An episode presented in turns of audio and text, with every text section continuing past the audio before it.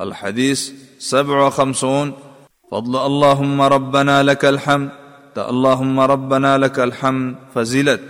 عن أبي هريرة رضي الله عنه أن رسول الله صلى الله عليه وسلم قال إذا قال الإمام سمع الله لمن حمده فقولوا اللهم ربنا لك الحمد فإنه من وافق قوله قول الملائكة غفر له ما تقدم من ذنبه.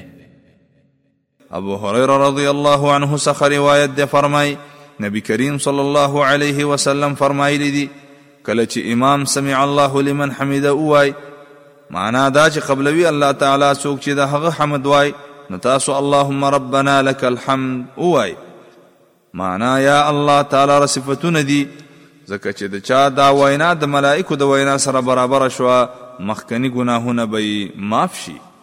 د دې حدیث د راوي پیژندنه مخکې په 14 نمبر حدیث کې ذکر شوی ده. من فوائد هذا الحديث د دې حدیث د فواید څخه. اول دې حدیث نه د الله تعالی پراخه فضل معلومیږي ځکه چې په کم عمل باندې چې ډیر مشقت نه لري الله تعالی ډیر اجر او ثواب ورکوي.